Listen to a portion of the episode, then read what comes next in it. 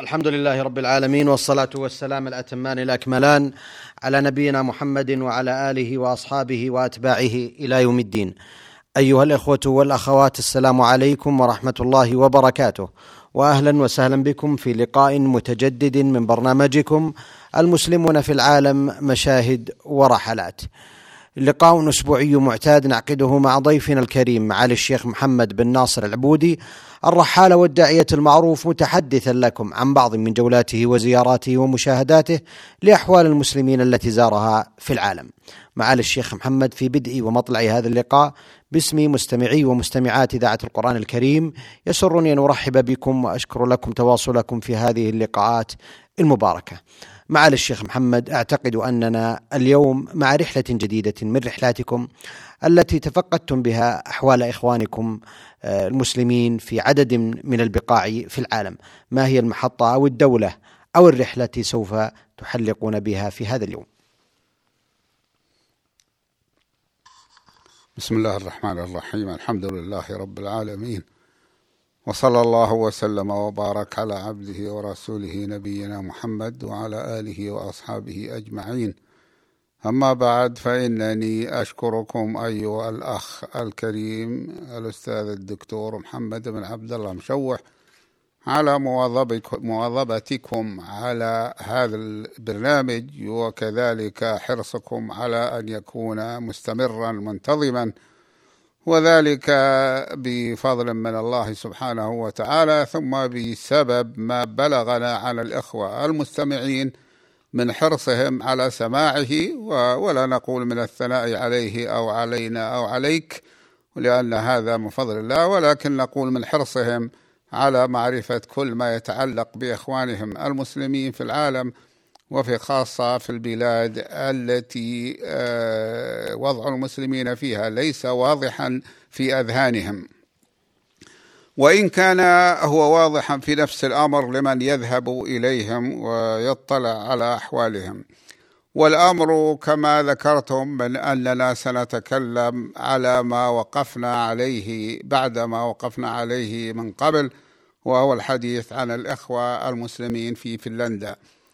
أه وقف بنا الحديث في السابق عن حرص أهل إسكندنافيا عموما ومنهم السويد وفنلندا على وجه الخصوص على عدم تلويث الهواء. وقلت إننا رأينا عجبا من العجب في أن السويديين لا يسمحون للرجل أن آه، يشعل يشعل محرك سيارته في الصباح لماذا؟ لأنهم يقولون إنه يلوث الهواء بدخان السيارة فإذا مضى عليه ثلاث دقائق أو نحوها يعتبرون هذا آه، لا يجوز لا ينبغي. وأما إذا كان وذلك أنهم يحرصون على تنقية الهواء. ومن الغريب العجيب أنهم يحرصون على شيء آخر وهو راحة السكان، نحن نعرف أن كثيرا من الأوروبيين والسويديون منهم يسكنون في شقق. ولا يسكنون في آه، دارات التي تسمى الفلات إلا ما كان منهم آه، ذا قدرة مالية. ولكن أغلبهم يسكنون في الشقق. وقد حرموا أي منعوا أن يشغل الإنسان منظف المرحاض في الحمام الذي يسمى آه، كما نعرف السيفون. يقولون إن صوت هذا السيفون انه إنه آه، يزعج الجيران وهو في وقت يعني بعد الساعة التاسعة والنصف يمنعون أن يعمل الإنسان على هذا. وأما قبله فلا مانع عندهم وكذلك في النهار لأن الناس لا يكونون نائمين. الشيء الغريب في آه، فنلندا أنهم آه، كافحوا برودة السيارات في جوهم البارد بل الثالج وذلك أنهم عملوا كما رأيته أنا في إحدى الجامعات جعلوا هنالك أنابيب الأنابيب آه، محفوظة وتتصل بصنابير فيها ماء بخار ماء حار. فإذا أراد الإنسان أن يشعل محرك سيارته فما عليه إلا أن يفتح غطاء المحرك ثم يسلط هذا آه، البخار الحار على محرك السيارة فيذهب عنها التجمد وإذا كان فيها شيء من الثلج فإنه يزول. هذا في الحقيقة من الأشياء النافعة العامة بطبيعة الحال هذه أمور دنيوية الله سبحانه وتعالى علمهم إياه علم الإنسان ما لم يعلم ولكن لا ندري هل الذين أمروا بها أو نفذوها يريدون مصلحة الناس يعني المصلحة العامة فقط أم إنهم آه، وراءهم من يراقبهم ومن يأمرهم من الحاكمين ومن المحكومين. آه، أصبحنا في هذا اليوم نحن جئنا في مساء اليوم الماضي وأصبحنا في هذا اليوم على جو غائم وماطر محى كل أثر للحر الحر الذي كنا شعرنا به قبل ذلك في هذه البلاد الشمالية الباردة. فكان بذلك آه، المطر أن عادت البلاد إلى طبيعتها الباردة المعهودة. ولكننا نحن في آخر الصيف أو في مؤخرة الصيف ولسنا آه، بحاجة يعني ليس الجو جوا باردا ولكن, آه، ولكن الحرارة هذه كانت موجة كانت موجة في شمال الأرض وقد آه، صادفناها في موسكو ومن بعد موسكو في إستونيا. كان بعض الإخوة من القائمين على المساجد في هلسنكي قد طلبوا مني أن أمس أن أصلي بهم صلاة الجمعة يعني أن أؤمهم بصلاة الجمعة فامتنعت عن ذلك جريا على عادة لي قديمة أخذت بها نفسي وهو أن أكون مستمعا في مثل هذه المواطن لأن ذلك يحفظ حق الإمام الراتب في إمامة الناس يوم الجمعة وبخاصة إذا كان فيهم ضيوف أجانب مثلنا قادمين مكة المكرمة. ومن أجل أن أرى وأعرف كيف يؤدون الصلاة ومدى أهلية الأئمة لأدائها على الوجه الصحيح. ولكن الشيء الذي أحب أن أزفه للإخوة المستمعين وأنا كنت فوجئت به وهو أنه يوجد الآن في فنلندا سبع وثلاثون جمعة تقام في في فنلندا. كان في السابق عندما جئت إليها أول مرة لا يوجد فيها إلا جمعة واحدة تقام في مسجد التتار وهو أول مسجد أقيم في فنلندا وأقيم قديما. ولكن الآن 37 جمعة في كل أنحاء هولندا في كل أنحاء فنلندا وهذا أمر سار ولله الحمد. كان أهل مسجد الهدى مسجد الهدى هؤلاء أهله من الإخوة الصوماليين اتصلوا بنا والمسجد هذا آه، نطلقه من الناحية الشرعية واللغوية وهو على مكان الصلاة وإلا فإنه من الناحية الاصطلاحية ليس مسجدا له مظهر المسجد من المنارة ومن القبة ومن آه، مظهر المسجد الأخرى.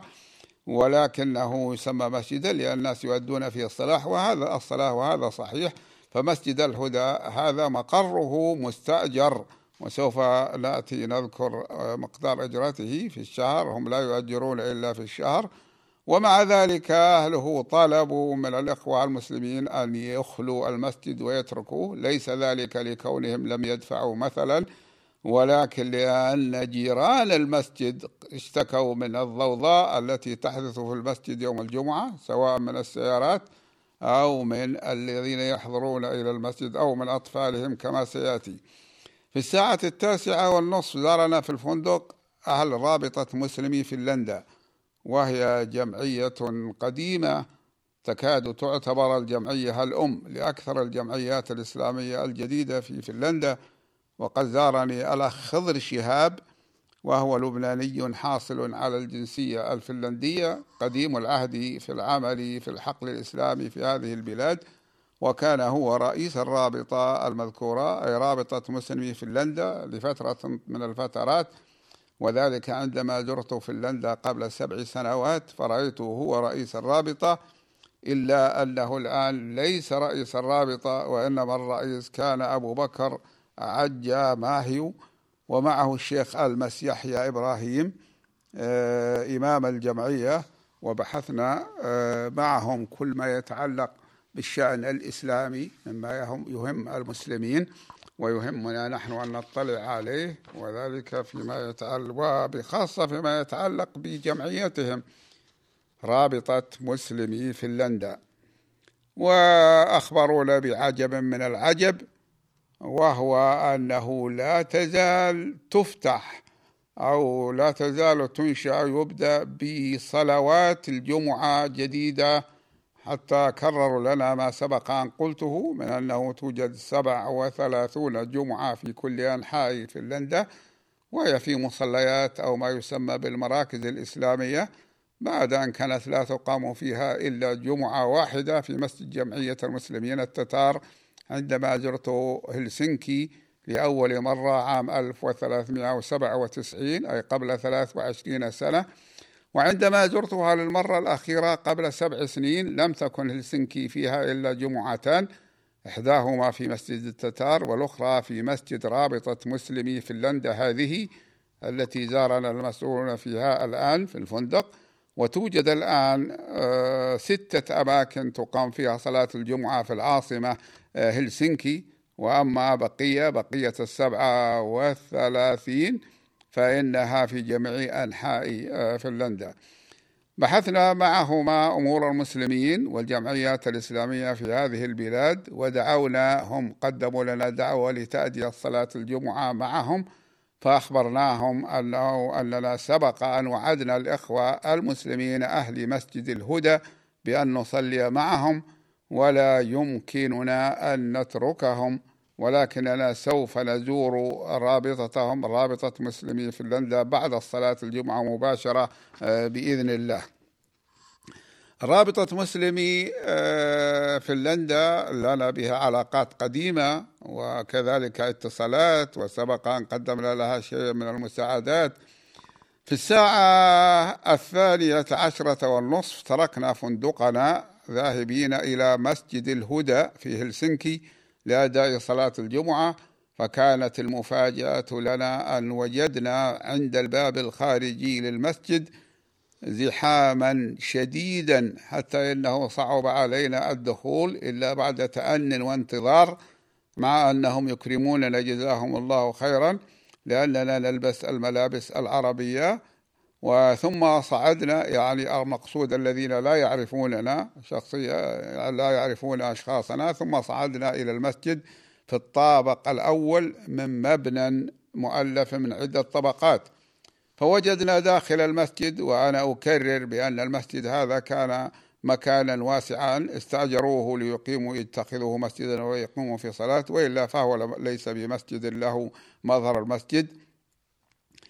وليس ذلك من الزحام فقط وإنما في المسجد ضجة واختلاط أصوات لأن بعض المسلمين المصلين أحضروا معهم أطفالهم وذلك أنهم يحضرون يحضرون معهم نساءهم فلا يتركون الأولاد وحدهم في البيت. يعني إذا كان رب البيت وزوجته يصلون في المسجد فلا يستطيعون أن يتركوا أولادهم بخاصة إذا كانوا أكثر من واحد. فيأتون بهم إلى المسجد. وهذا إذا كانوا مميزين لا مانع من ذلك. أما إذا كانوا غير مميزين المميز هو من تم له من العمر سبع سنوات حسب ما قرره أكثر العلماء. أما غير المميز فإنه لا يجوز أن يحضر المسجد لأن الرسول صلى الله عليه وسلم يقول جنبوا مساجدكم أطفالكم ومجانينكم.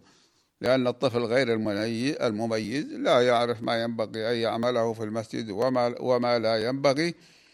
ولذلك وجدنا طائفة من النساء يصلين في مصلى قسم خاص من المسجد صغير ويضيق بالمصليات آه، منهن. قالوا لنا إنه قال لنا الإخوة المسؤولين أنهم يضيق بالمصليات لأنه بعد صلاة الجمعة نحن مررنا عليه فوجدناه صغيرا. وأكثر المصلين من الصوماليين. بل يمكن المصلين في مسجد الهدى هذا يمكن القول بأنهم كلهم من الصوماليين الذين ليس معهم غيرهم من المسلمين. وهم قلة لا تذكر بالنسبة للمسلمين بالنسبة لغير الصوماليين من المسلمين الذين يصلون في مسجد الهدى. فخمسة وثمانون في المئة من المصلين هم من الإخوة الصوماليين الذين جاءوا لاجئين في الأصل إلى فنلندا فمن قبلتهم فنلندا بهذه الصفة بصفتهم لاجئين وسهلت لهم الجوازات وكذلك سهلت لهم اللجوء وذلك أنها أعطت كل أسرة منزلا الذي هو شقة وكذلك خصصت لهم مخصصات شهرية تكفيهم لمواجهة أعباء الحياة إلى أن يجدوا عملا مجزيا أو يتحسن الوضع في بلادهم ويستطيعون أن يعودوا إليها من غير أن يكون هنالك خطر يهدد حيواتهم. والجمعية التي تقوم على هذا المسجد هي جمعية الهدى وهي جمعية مسلمة خاصة بالصوماليين أسسوها من أجل فهم اللغة ومحاولة الاحتفاظ بالعادات والتقاليد المنبثقة من الثقافة الإسلامية في الصومال. يعني وجدنا أن بعض الإخوة المسلمين ينفردون بجمعية ومسجد وسألناهم فقالوا لنا أن هذا أيسر لنا لأن الموعظة تكون بلغتنا والناس بعضهم يتعرف على بعض. يعني إذا جاء الرجال والنساء إلى المسجد وفي النساء شابات في سن الزواج وفي الرجال شباب في سن الزواج فإنه قد يكون هذا مبدأ للتعارف وهذا أمر يعني هدف طيب لأن بعض المسلمين الذين لا يجدون مسجدا يعني لم يعملوا على إيجاد مصلى ولا يكون هنالك تعارف بينهم وبين بقية المسلمين. يضطرون هكذا قالوا لنا وهذا الضرورة لا تبيح هذا الذي سأذكره. يقول يقولون أنهم يضطرون إلى أن يزوجوا بناتهم من غير المسلمين. بطبيعة الحال هذا لا يجوز وليس مبرر لأنه ما سألت واحد وقال تريد أن نخليها بلا زواج؟ قلت له لا أنا ما أقول اتركوا بنتكم بدون زواج ولكن أقول زوجوها بأحد المسلمين وإذا بأحد الشبان المسلمين وإذا كان أنه لم يتقدم إليكم أحد. اسعوا أنت إلي أنتم إليه. فقد جاء بعض الصحابة كان يسأل الصحابة الآخرين هل لك في كذا؟ حتى أن عمر بن الخطاب رضي الله عنه سأل أحد الصحابة وقال هل لك في حفصة؟ حفصة ابنته. يعني أتريد أن أزوجك بنتي؟ فلا بد أن الرجل في هذه البلاد بلاد الأقليات يسعى إلى ما فيه الخير آه، الخاص. لبناته وأبنائه وفيه الخير العام آه، للمسلمين جميعا. عندما دخلنا بعد جهد جهيد أحدهم لأن أحدهم كان يعرفني فأفسح لي الطريق وأفسح لي مكانا أمام الجالسين في الصف الأول مع أنه لا يوجد فراغ فيه لأن الذين في الصف الأول جاءوا موكرين قبلنا وليس ولا يوجد فرجة بينهم. ولكن هذا المكان كان آه، مناسبا وقالوا إنهم يأملون أن يخلوا عندما تقام الصلاة. كان أكثر الإخوة الصوماليين قد لبسوا الملابس الوطنية التي هي القمص العربية فوق وفوق الرأس الغتر حتى الشماغ الأحمر الذي هو غطاء الرأس عندنا موجود فوق رؤوس بعض المصلين. كأنما هم في الصومال أو في بلادنا. وهذا أمر طيب لأن المظهر الإسلامي يعني ينبغي أن يكون موجودا هناك إلا إذا كان يترتب على المظهر الإسلامي ضرر كأن يلحق اللصوص كما هو واقع في بعض البلاد من عليه لباس عربي يزعمون. نحن لا نقول إن اللباس الإسلامي هو نوع من اللباس والبقية من الأنواع ليس اسلاميا ولكن نقول إن هذا اللباس هو عادي. إذا أخذ الإنسان زينته عند المسجد سواء كانت زينته ملابس وطنية ولا ملابس من البلاد التي يعيش فيها وهي إذا كانت ساترة ومستكملة للشروط مع هذا الزحام الذي وصفته داخل المسجد كانوا لا يزالون يتدفقون على المسجد. وأنا أعجب من أن يجدوا مكانا لهم لأن المسجد كله مليء كما رايته. وقد صح خوفي بل وتوجسي من كون بعضهم لا يستطيع أن يصلي الجمعة لأنه لا يجد لجبهته مكانا فضلا عن أن يجد لجسده كاملا. وما شبهت ذلك إلا في أوقات المواسم في الحرمين الشريفين مع الفارق في العدد. وأخبرني رفيقي الأخ رحمة الله الذي صلى في الصف السادس أنه رأى أناسا منهم لم يتمكنوا من أداء الصلاة لكونهم لكونهم عجزوا عن أن يجدوا فراغا في المسجد يضعون عليه جباههم. وكانت طائفة منهم كبيرة واقفة على أمل أن يجدوا مكانا ولو في الزحام للصلاة عندما تقام غير أن الأمر لم يكن كذلك فلم يجد بعضهم أي مكان لجبهته فضلا عن أن يجد مكانا يسع جسمه كله وناظرا إلى كون البلاد يغلب عليها البرد في أكثر الوقت فقد جاء أكثرهم وبخاصة من الأولاد والبنات بصدريات غليظة كانوا يلبسونها فوق ثيابهم اتقاء للبرد ولكن العلاقات التي في المسجد امتلأت من هذه الملابس الزائدة حتى ضاقت بها وأصبح منظرها مضحكا إذ كاد الحائط يختفي تحت تحتها لولا أن أعلاه خال. وعندما لم يجد بعض المصلين الذين وصلوا مع دخول الإمام للخطبة أي مكان آه، صلاة السنة آه، عندما يقبل المسجد وليس المقصود من ذلك أنه عندما يقبل الإمام ولكن عندما يقبل الإمام على المصلين والذين جاءوا يحبون أن يصلوا تحية المسجد فلم يجدوا أي مكان يضعون عليه جباههم إلا المكان الذي خلف المحراب الذي يخطب عليه خلف المنبر الذي يخطب عليه الإمام. فنحن نعرف أن المنبر يكون في أمام المسجد ولكن يكون خلفه فراغ قليل لأنه منبر خشبي متحرك مؤلف من ثلاث درجات. وعجبت من ذلك إذ قلت في نفسي كيف يصنعون إذا أقيمت الصلاة وهم الآن مما يلي القبلة بينها وبين الإمام؟ غير أنهم حلوا هذه المشكلة بأن أبعدوا المنبر الذي هو آه، المنبر الذي آه، خطب عليه الإمام أبعدوه إلى زاوية في المكان وتقدم الإمام فصار في آخر المكان.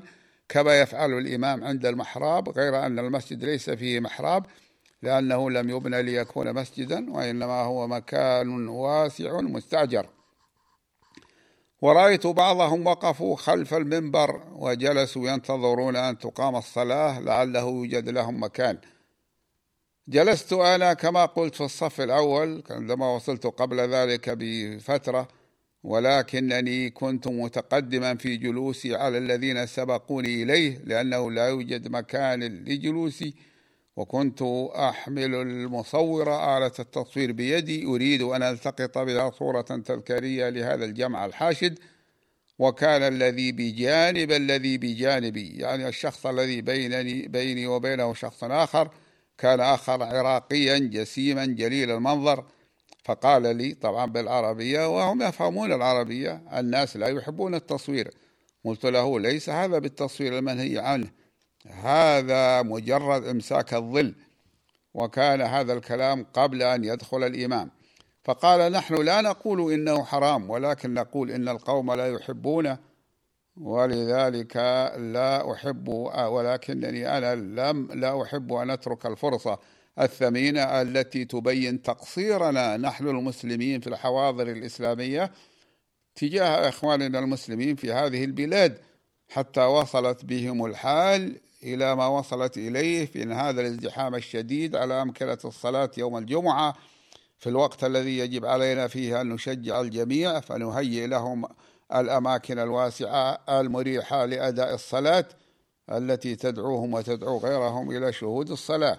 هنا لا بد من إيضاح حقيقة مهمة وهو أننا مهمة بالنسبة لنا وهو أننا لم نكن نعرف بحال هذا المسجد مسجد الهدى قبل وصولنا إلى هلسنكي ولا بحالة الجمعية القائمة عليه قبل هذه الزيارة وإلا لكنا ساعدناهم على أجرة مقر يكون أوسع من هذا.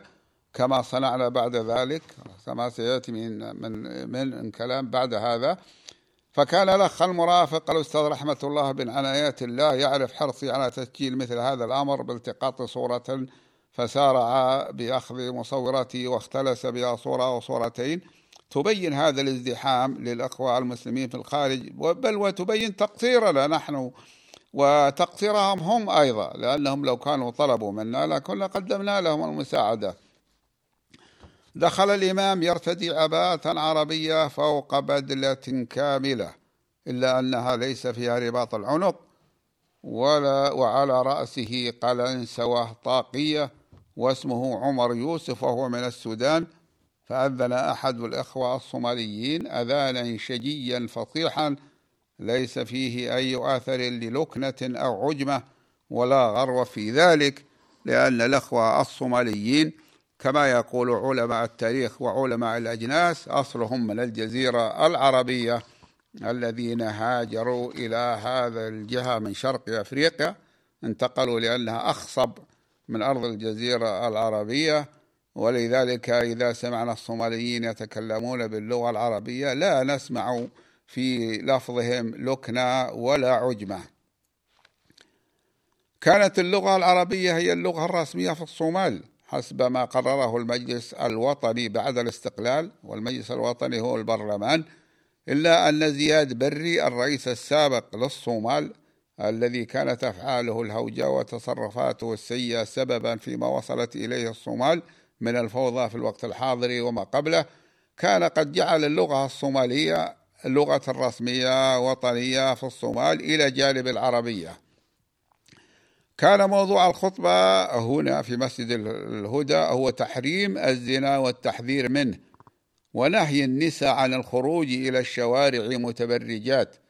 وقد أطال الخطيب من النهي عن الزنا وبيان سوء عاقبته وحسنا فعل جزاه الله خيرا لأن المسلم معرض هنا لفتنة النساء من أهل البلاد لا يرون أهل البلاد وهم أي أهل البلاد لا يرون مانعا عندهم لذلك هذا فيما بينهم وفي من يطبقون عليه قانونهم يقولون أنه لا مانع من أن يقترب الرجل من المرأة ولكن بشروط. هكذا يقولون شروط ما أنزل الله بها من سلطان ولا تبيح ذلك ولو قالوا ولا بد من تبصير المسلم بهذا الأمر. أما عدم خروج النساء إلى الشوارع متبرجات فهذا موضوع مهم أيضا. وإن كان التبرج يختلف فغالب النساء المسلمين لا يخرجن متبرجات هنا ولو حاول بعضهن ذلك فإنهن لا يصلن إلى تبرج الفنلنديات. مع أن الأمر هنا مختلف عن في حاجة المرأة المسلمة إلى الخروج من بيتها للعمل. إذا كانت عاملة ولشؤون البيت والأولاد إذا كانت ربة بيت لأن رب البيت الذي هو القائم على الأسرة يكون في الغالب مشغولا بعمله. وكذلك إيصال الأولاد إلى المدرسة والخروج معهم عند الرجوع. كذلك الخروج إلى أماكن النزهة كالحدائق والميادين. فلا بد من تكون المرأة أمهم تكون معهم في هذا الجو المفتوح. وقد رأيناهم قالوا لنا في هذا المكان وفي غيره إن الأفضل للمرأة المسلمة أن تكون آه، أن لا تكون متبرجة ولا متزينة ولكن لا تغطي وجهها بالكامل لأنها إذا فعلت ذلك آه، ألفت إليها لفتت إليها الأنظار وكان هذا ليس في المصلحة لكن كونها تت... كونها آه، لا تتبرج وكونها تستر وتلبس لباسا ساترا كله ما عدا الوجه والكفين الذين رخص بعض علماء المسلمين في كشفهما ففي تلك البلاد آه، قد يكون كشفها أولى كما يقول أخوتنا المسلمون هنا وفي بلاد ثانية كثيرة غيرها. شكر الله لكم معالي الشيخ محمد. في ختام هذا اللقاء أتوجه بالشكر الجزيل. بعد شكر الله سبحانه وتعالى إلى ضيفنا الكريم معالي الشيخ محمد بن ناصر العبودي.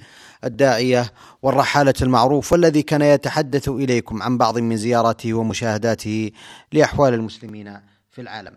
نلقاكم أيها الإخوة والأخوات على خير في مثل هذا اليوم من الأسبوع القادم وهذه تحية من محدثكم محمد بن عبد الله مشوح. السلام عليكم ورحمة الله وبركاته.